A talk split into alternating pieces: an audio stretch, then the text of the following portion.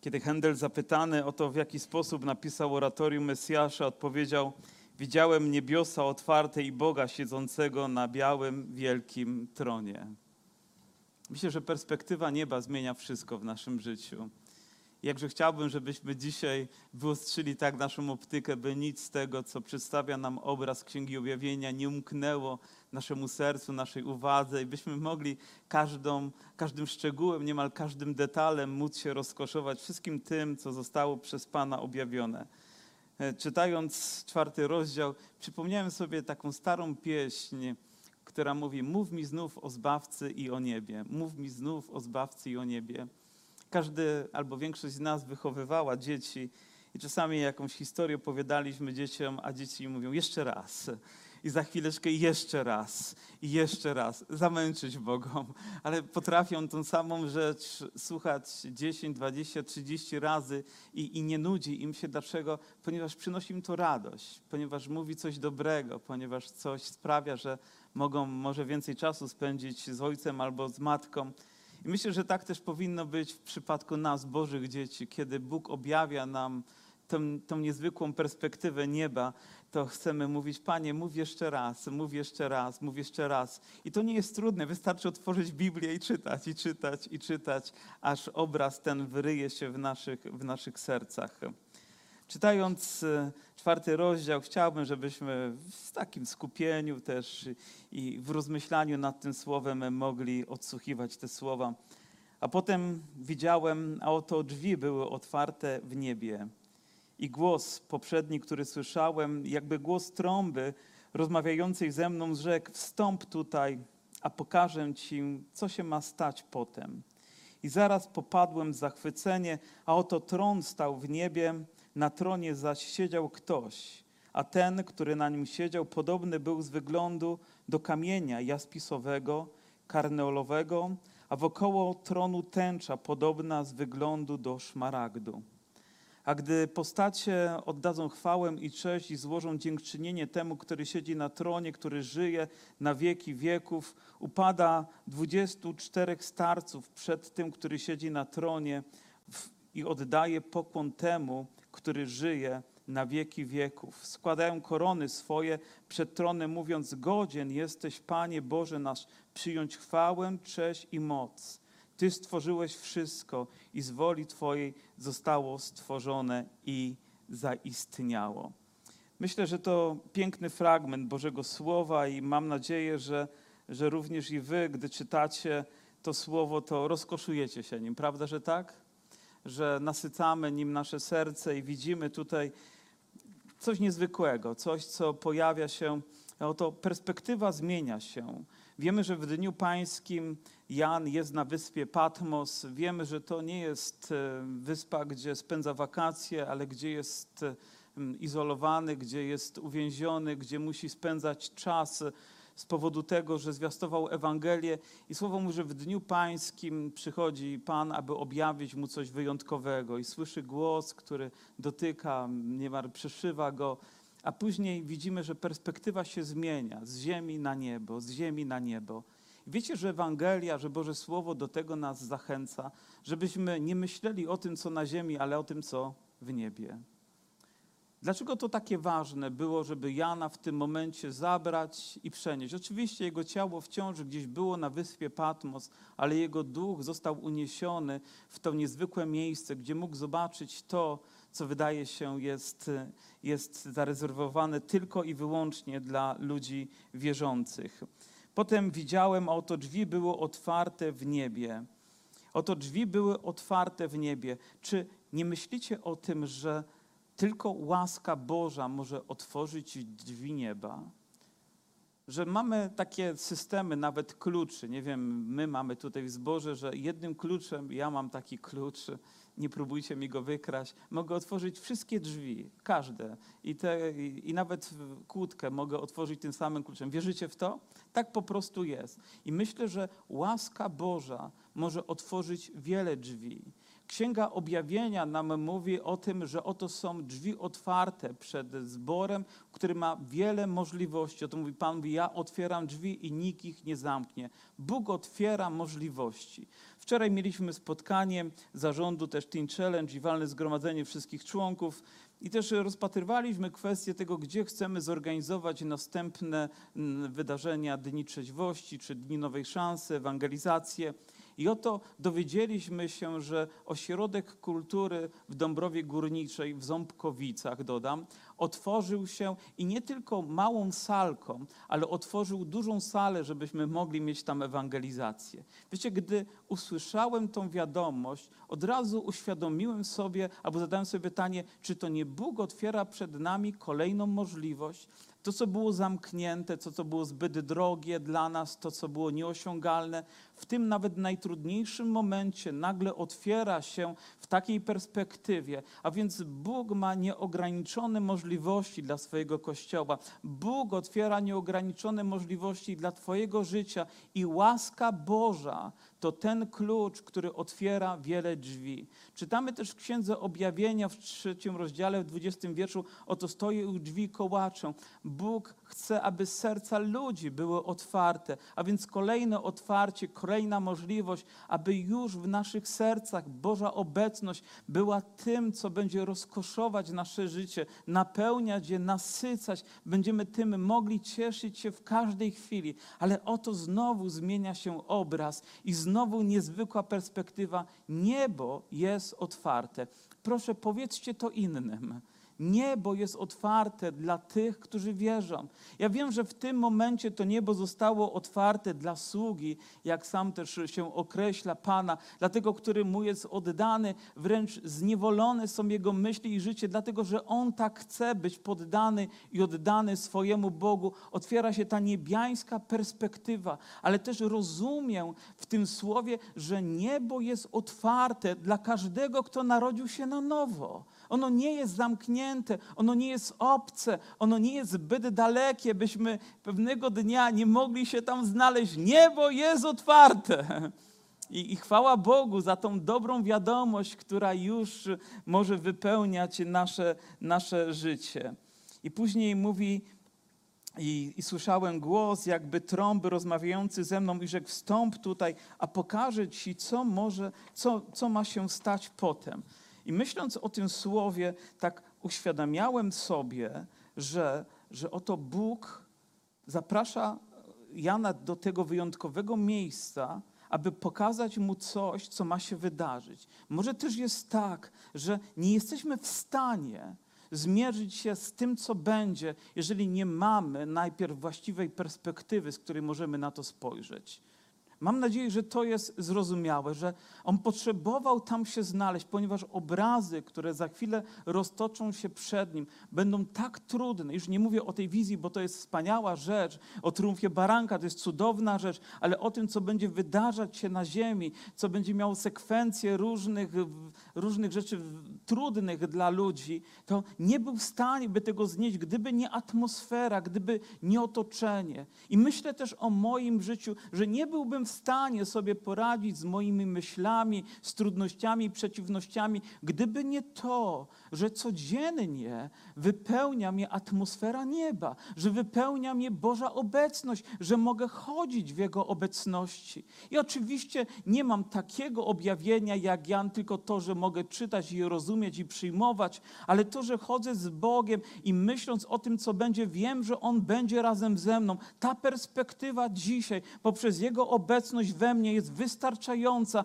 aby przynosić pokój i nadzieję mojemu sercu. Amen. I tak samo jest moja siostro i mój bracie w życiu każdego z nas. Niebo przed nami jest otwarte, nieograniczone możliwości, bo przecież dla Boga nie ma rzeczy niemożliwych, prawda? Nie ma. Wszystko, co chce, uczyni z woli swojej, uczyni dla chwały swojej, bo Słowo mówi, że jest wszechmogący. Pokaże Ci.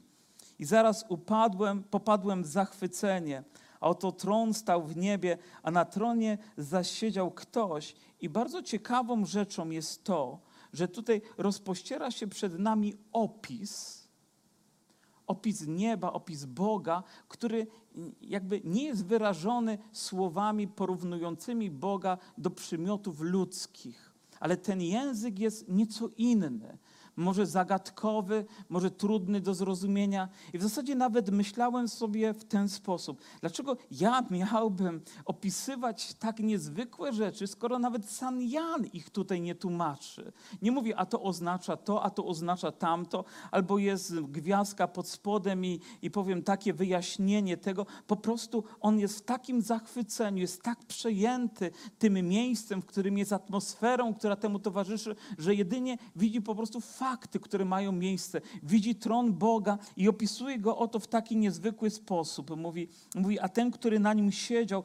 podobny był z wyglądu do kamienia jaspisowego, karmelowego, a wokoło tronu tęcza podobna z wyglądu do szmaragdu. Oto trzy obrazy ilustrujące albo trzy odniesienia, które ilustrują to, w jaki sposób przedstawiony jest tutaj, jest tutaj Bóg. Nie jest to odniesienie do cech ludzkich, ale do wartości, do kamieni, które mają niezwykłą też, niezwykłe też cechy. One, one lśnią czystością, one mają różne barwy i każda z nich mogłaby być w szczególny sposób scharakteryzowana. Na przykład kamień jaspisowy mówi o czystości, mówi o silnym blasku, mówi o świętości Boga, mówi, mówi, o, jego majest, mówi o Jego majestacie. Mówimy też o kamieniu jaspisowym, którego prawdopodobnie kolor był kolorem czerwonym, co mogło również oznaczać, nie wiem,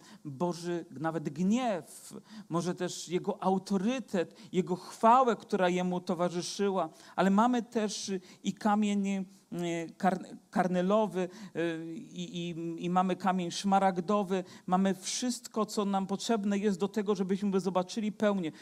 Kamień szmaragdowy ma naj, najprawdopodobniej zabarwienie zielone, które znowu mówi o, o darach Ducha Świętego, mówi o Bożej łasce, mówi o tego, że bez tego nie moglibyśmy przejść do Boga, do Jego sprawiedliwości, do Jego świętości, gdyby nie okazana nam została Boża łaska. Ale to wszystko jakby są nasze nasze interpretacje tego obrazu, który, który widzimy, ale Jan to widział, Jan tego doświadczał.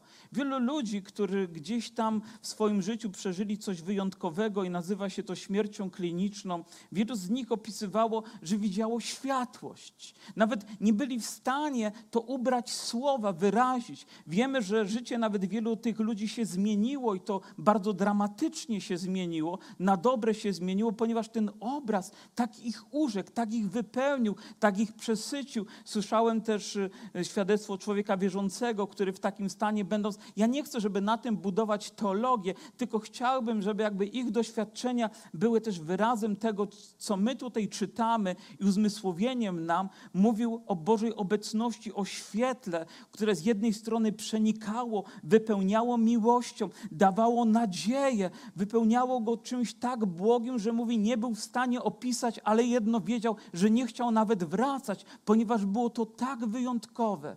I myślę, że w takim zachwyceniu był właśnie Jan. I chciałbym, żebyśmy my, czytając, byli tak zachwyceni Bogiem, tak zachwyceni tą perspektywą, żebyśmy mogli wciąż śpiewać tą pieśń. Mów mi znów o Zbawcy i o niebie, ponieważ bardzo, bardzo tego potrzebuje. Musimy też wiedzieć, że Kościół w tym czasie był Kościołem prześladowanym. Przychodził przez trudności, przez doświadczenia, przez złe rzeczy ale ta perspektywa nieba, to, co ich czekało, to, jak wielkiego mamy Boga, myślę, że też uwalniało ich serca. Po prostu jakby rozbrajało z tych wszystkich naminowanych złymi rzeczami rzeczy, aby mogli poczuć wolność, nadzieję i Boga, który nad wszystkim potrafi czuwać w swojej, swojej, swojej łaskawości widzimy, że perspektywa nieba jest tym, co powinno nam towarzyszyć i obrazy, które, temu, które tam znajdujemy i które są opisem też Bożego, Bożego działania w naszym życiu, powinny być szczególnie, szczególnie nam bliskie. Wiecie co, muszę jeszcze sobie sięgnąć do jednego fragmentu. Nie wiem, czy pamiętacie też, jak Pan Jezus spotkał człowieka o imieniu Natanael. Pamiętacie, spotkał go pod drzewem, a później mówi, że zobaczycie niebo otwarte i aniołów bożych wstępujących i wstępujących. Mówi, coś niezwykłego będzie wam towarzyszyć. Mówi, to nie tylko będzie udziałem, powiem, jednego człowieka, ale my wszyscy będziemy mogli zobaczyć i będziemy mogli w tym też uczestniczyć i cieszyć się Bożą obecnością i Jego chwałą w, na, w, na, w, naszym, w naszym życiu. Myślę, że Księga Objawienia ma coś wyjątkowego do zaoferowania każdemu wierzącemu człowiekowi i, i ta myśl tego, co Bóg nam objawia, powinna nam towarzyszyć. A wokoło tronu widziałem 20, 20, 24 trony, a na ich tronach siedzących 24 starców, odzianych w białe szaty, a na głowach ich złote korony. Oto kolejny obraz, który trudny jest niemal do zinterpretowania. 24 trony, na tronach 24 starców. Ktoś powiedział, dlaczego 24? Dlaczego ak- akurat ta liczba się pojawia? Nie 7, nie 12, które są nam bliższe, ale 24. Wytłumaczenie czasami bywa takie, że mówią, że 24 starców to 12 apostołów i na przykład 12 patriarchów daje liczbę 24. Matematycy, proszę uruchomcie myślenie. Powiem, kolejne wytłumaczenie, które się pojawia, 24, ponieważ w Starym Testamencie były 24 zmiany kapłańskie. Kapłan mógł przychodzić do Boga, do tego miejsca najświętszego w określonym czasie i nie jedna osoba, ale 24 kapłanów w 24 określonych porach mogło to uczynić. Ale też ktoś powiedział, że ta liczba 24 oznacza 12, jakby 12 pokoleń Izraela, które reprezentują naród wybrany i druga dwunastka to reprezentuje Kościół reprezentuje pełnię, że nie tylko naród wybrany według ciała, ale ten, który według ducha został powołany, ma tym przywilej, by cieszyć się perspektywą nieba,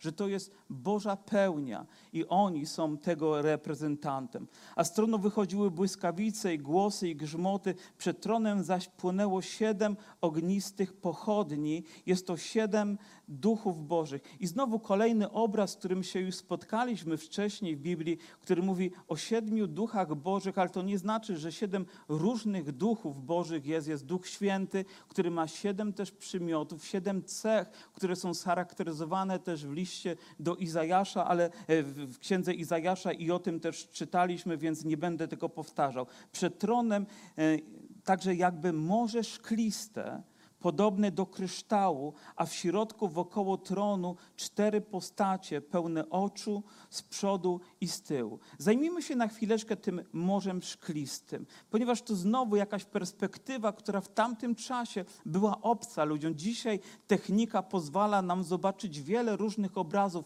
ale w tamtym czasie szkło było tak cenne, a tutaj morze szkła, które rozpościera się przed nim. Ja myślę, że oni nie mieli tak jak my szyby w oknach i to jeszcze trójwarstwowe, najlepsze chroniące. Bowiem jeżeli czymkolwiek mogli zasłonić, to już było dobrze. Szkło było czymś niezwykłym, drogocennym i to też obrazuje, że to morze mówi o, o chwalebności, mówi o kosztowności, mówi o wielkości Boga, mówi też o czystości i świętości tego miejsca.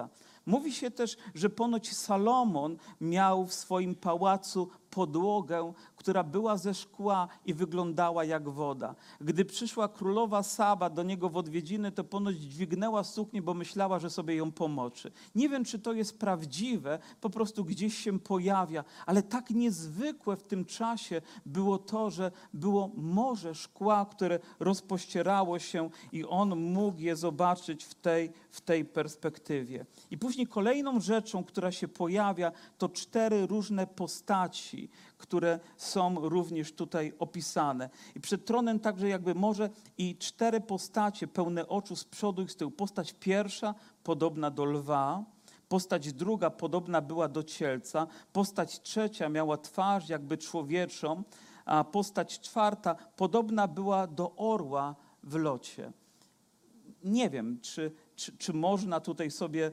pozwolić na to, żeby nadinterpretowywać ten fragment i chciałbym zachować pewną ostrożność, ale te cztery postacie mogą reprezentować, jak ktoś powiedział, czterech ewangelistów, że mogą reprezentować ewangelistę Mateusza, że mogą reprezentować Marka, mogą Łukasza i mogą Jana. Co ciekawe, że różni ojcowie Kościoła i różni teolodzy przypisywali jakby różną rolę tym, którzy tam byli reprezentowani. Ale byli zgodni co do tego, że lew reprezentu, reprezentuje jakby mocne i skuteczne działanie Syna Bożego, jego przewodnictwo i królewski autorytet, że wół wskazuje na kapłański aspekt jego dzieła, gdyż jest to zwierzę ofiarne. Człowiek symbolizuje jego wcielenie. Orzeł mówi o darach Ducha Świętego, gdyż swoimi skrzydłami chroni on Kościół. I według różnych teologów różnie przypisywano te cechy, ale Augustyn napisał tak, że Mateusz to lew, Łukasz to wół, Marek to człowiek, Jan to orzeł. Dlatego, że Mateusz najlepiej, najlepiej reprezentuje lew, ponieważ mówi on o Jezusie jako lwie z pokolenia ludy, jako o tym, który spełnił wszystkie oczekiwania proroków. Marek najlepiej reprezentuje człowieka, ponieważ jego Ewangelia jest zbiorem faktów odnoszących się do ziemskiego życia Jezusa. Łukasz najlepiej reprezentuje wół, ponieważ przedstawia on Jezusa jako ofiarę złożoną za ludzi wszystkich warstw społecznych. Do Jana najlepiej pasuje orzeł, ponieważ lata on najwyżej ze wszystkich ptaków i podobno jest jednym stworzeniem, które może patrzeć prosto na słońce. Jego Ewangelia sięga najwyższych myśli, napisał Barclay. A więc widzimy, że można różnie interpretować też te cztery postacie jako pewne siły mocy, żywiołów i różnych rzeczy, ale Jan po prostu to widzi. Widzi cztery postacie, Malachiasz o nich też wspomina, które są przed tronem Boża. Co one symbolizują? Wiecie, przekonamy się w pełni, kiedy tam się znajdziemy.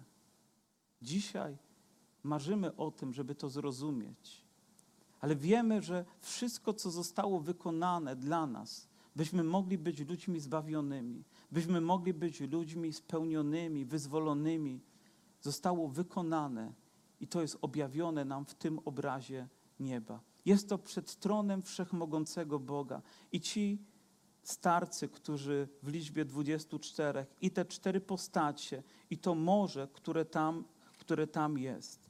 Ale to, co również powinno przykuć naszą uwagę, to ich, ich zachowanie.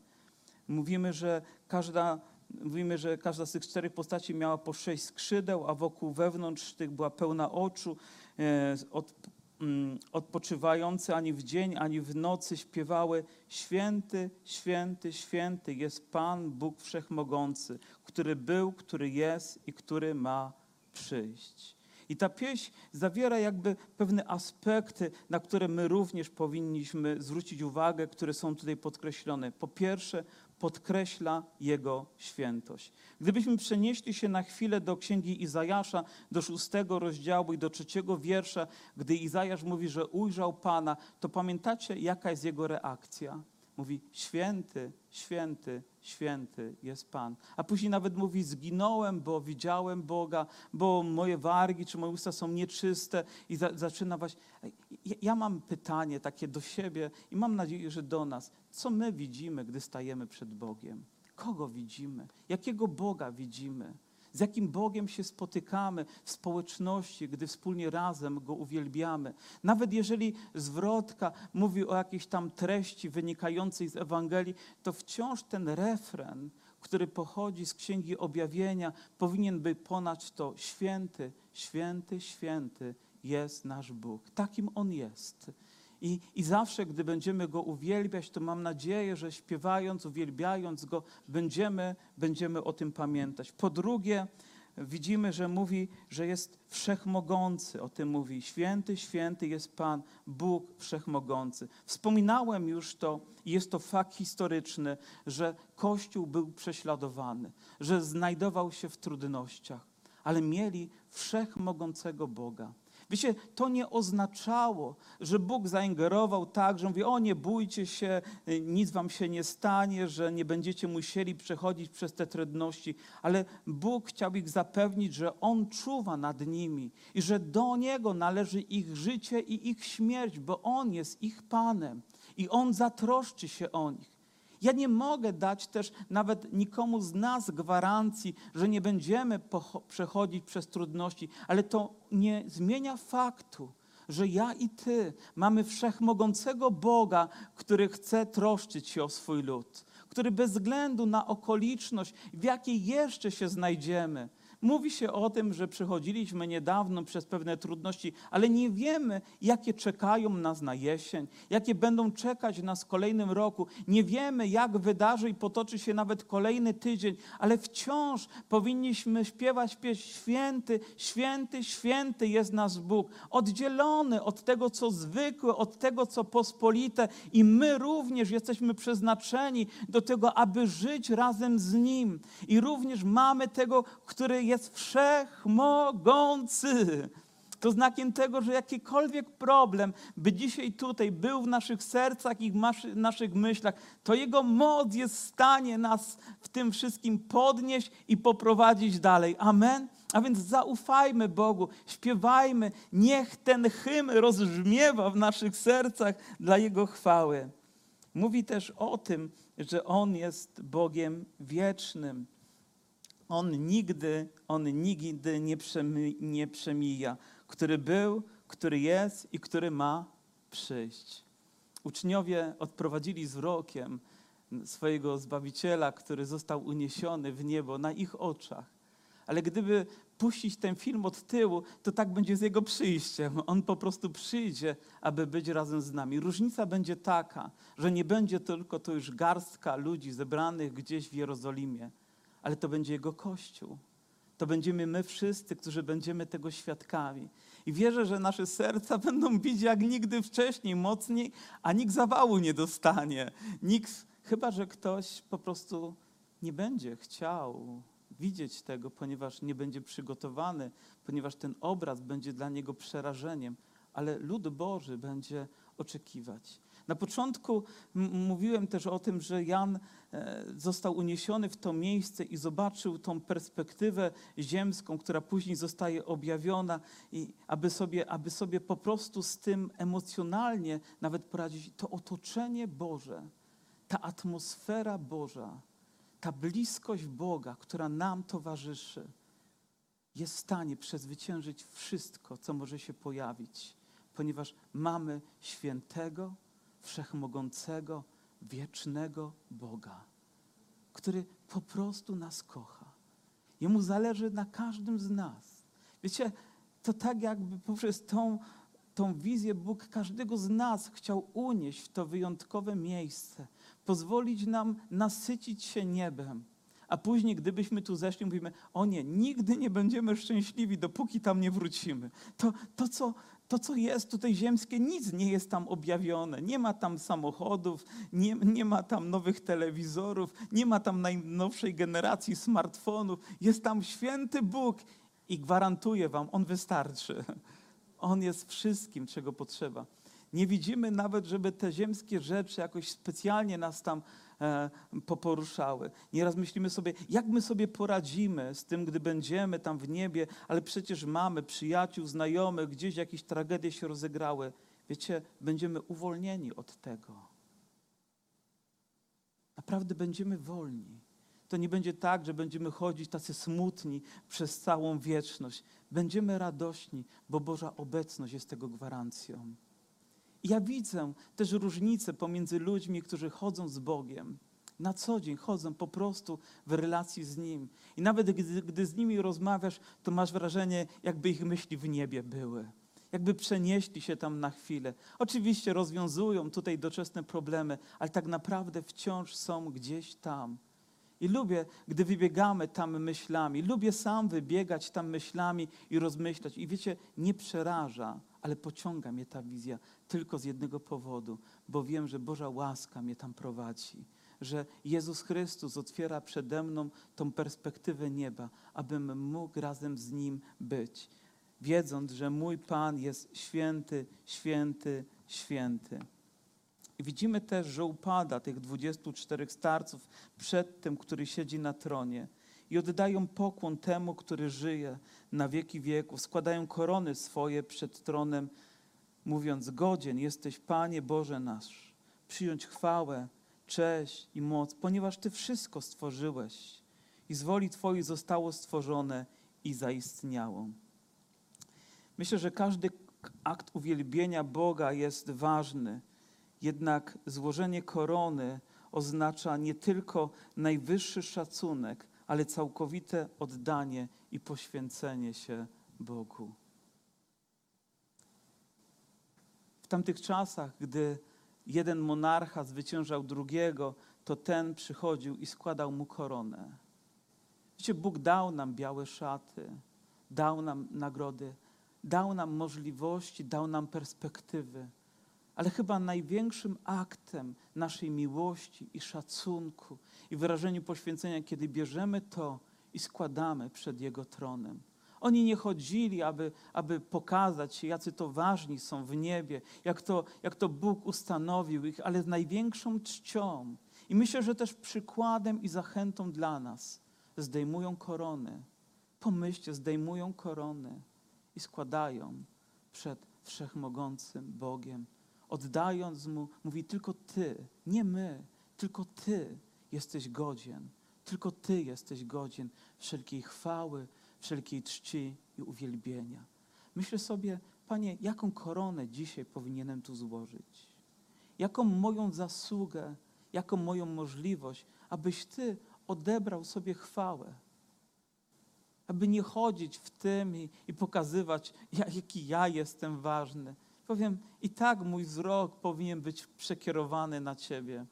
Wiecie, ponoć tak jest, że gdy jedna osoba na coś patrzy, to nikt na to nie zwraca uwagi. Gdy dwie osoby patrzą w ten sam punkt, to być może już jakiś zainteresowany, ale gdy, gdyby kilkadziesiąt osób gdzieś patrzyło w jeden punkt, to ktokolwiek by przechodził, by tam spojrzał. I ja patrzę na tych 24 starców na tych Bożych ludzi, kogokolwiek oni symbolizują w historii czy w teraźniejszości, to ja chcę być również do nich podobnych. Złożyć, mówiąc: Panie, tylko Ty jesteś godzien. Czy dzisiaj byłbyś gotowy złożyć mu swoją koronę, złożyć mu swoje perspektywy, swoją karierę, swoje możliwości i może nawet ambicje i powiedzieć: Panie, tylko Ty jesteś godzien wszelkiej chwały, bo jesteś święty, święty, wszechmogący, wieczny Bóg, któremu należy się chwała. Mam nadzieję, że tak właśnie wygląda każde nasze nabożeństwo, każda nasza społeczność, ale że tak też wygląda każda nasza społeczność, którą mamy osobiście z Bogiem, że tak też chodzimy na co dzień w społeczności z Nim. I nie dlatego, że ktoś na nich to wymusza. To po prostu staje się pragnieniem ludzi, którzy całkowicie kochają Boga. Po prostu. Słyszałem kiedyś pewną historię o, o, o muzyku, o kobiecie, która e, była bardzo znaną wokalistką, o ile dobrze pamiętam, z pochodzenia norweszką, która robiła karierę, pięknie śpiewała, występowała w telewizji aż się nawróciła. No i stanęła w takim dylemacie, co robić dalej, czy śpiewać, robić karierę, jak to mówią, śpiewać do śledzika, a czy po prostu hmm, zmienić swoje życie. I postanowiła złożyć koronę.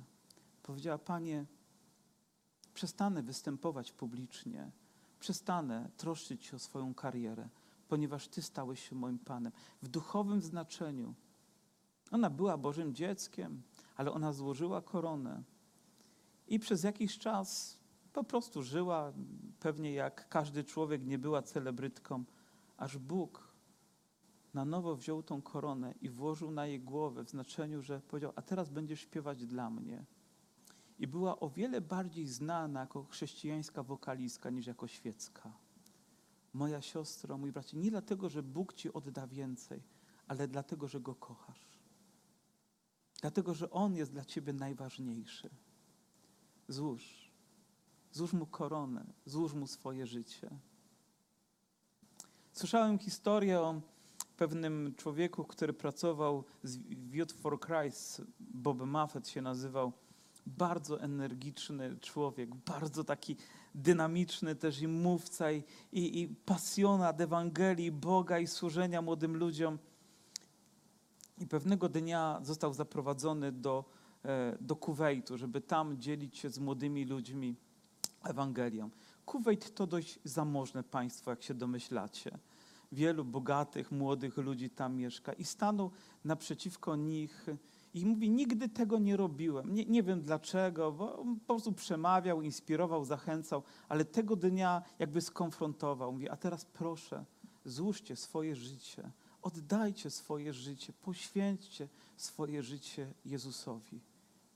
Mówi, i z tej grupy, która tam była, ludzie zaczęli wychodzić i nawet manifestowali to fizycznie, aby oddać, aby złożyć swoje życie. On nie wiedział, co się wydarzy jutro. Tydzień później rozpętała się wojna. Jak wiecie, Irak napadł na Kuwait. Niektórzy z tych młodych ludzi stracili życie. Nie wiedział o tym, ale Bóg wiedział. I wiecie co? Myślę, że jeżeli oni oddali swoje życie, to lśnią bardziej niż ktokolwiek z nas tutaj. Warto żyć dla Jezusa, warto się trudzić, warto oddać Mu wszystko, co dla nas dzisiaj jest chwałą, aby we wszystkim był uwielbiony On, nasz Bóg, nasz wszechmogący Bóg, bo święty, święty, święty, wszechmogący, który był, który jest i który ma przyjść. I, I dobrą nowiną dla nas jest, że On jest dzisiaj tutaj. Nie ma tu 24 starców. Nie ma tych nieco dziwnych dla nas postaci, które tam są, które również są pełne majestatu, ale jesteśmy my. Jesteśmy jako Kościół, jesteśmy jako Jego dzieci. I wierzę, że również dzisiaj możemy zaśpiewać, zamykając oczy i przenosząc się choćby na chwilę w tą atmosferę, bo nie tego, co na ziemi, ale tego, co w niebie tak naprawdę powinniśmy szukać każdego dnia, aby powiedzieć: Panie, jesteś święty. I oto moja korona, abyś Ty miał chwałę. Abyś Ty miał chwałę. Myślę, ile koron wtedy zostało złożonych na ziemi w życiu tych, którzy Go kochali. Ile istnień na chwilę tu zgasło, by później tam rozbłysnąć, dlatego że Jezus jest ich Panem. I chwała Bogu za to. Amen. Aleluja. Aleluja. Dobry jest nasz Pan. Nie wiem, jakie oratorium ty napiszesz. Ale gdy cię spytają później, to powiedz, dlatego, że widziałem Boga w niebie, siedzącego na tronie. I dlatego to, co zrobiłem, jest pełne chwały, pełne czci, pełne majestatu i pełne uwielbienia dla mojego Boga. Bo mogę Go oglądać każdego dnia w moim życiu i tęsknić za Nim, za Jego obecnością, jak za niczym innym w tym świecie. Powstańmy.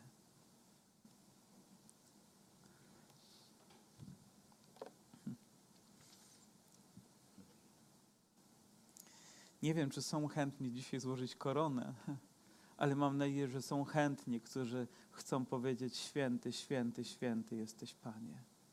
Może dzisiaj ktoś z nas powinien coś złożyć, coś zostawić tutaj Wiecie, najchętniej zostawiamy Bogu nasze trudności, nasze problemy, nasze troski, nasze kłopoty, prawda?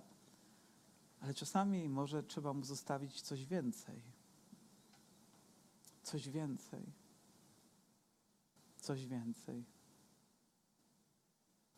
Nie wiem, czy to jest najlepszy przykład i proszę nie odnoście tego do pieniędzy, ale mój przyjaciel kiedyś studiując w Anglii tam wybuch stan wojenny musiał zostać, był biednym studentem, który zarabiał grom na pianinie, żeby tylko przeżyć. Pewnego dnia był na ewangelizacji i postanowił oddać wszystko, co ma na misję.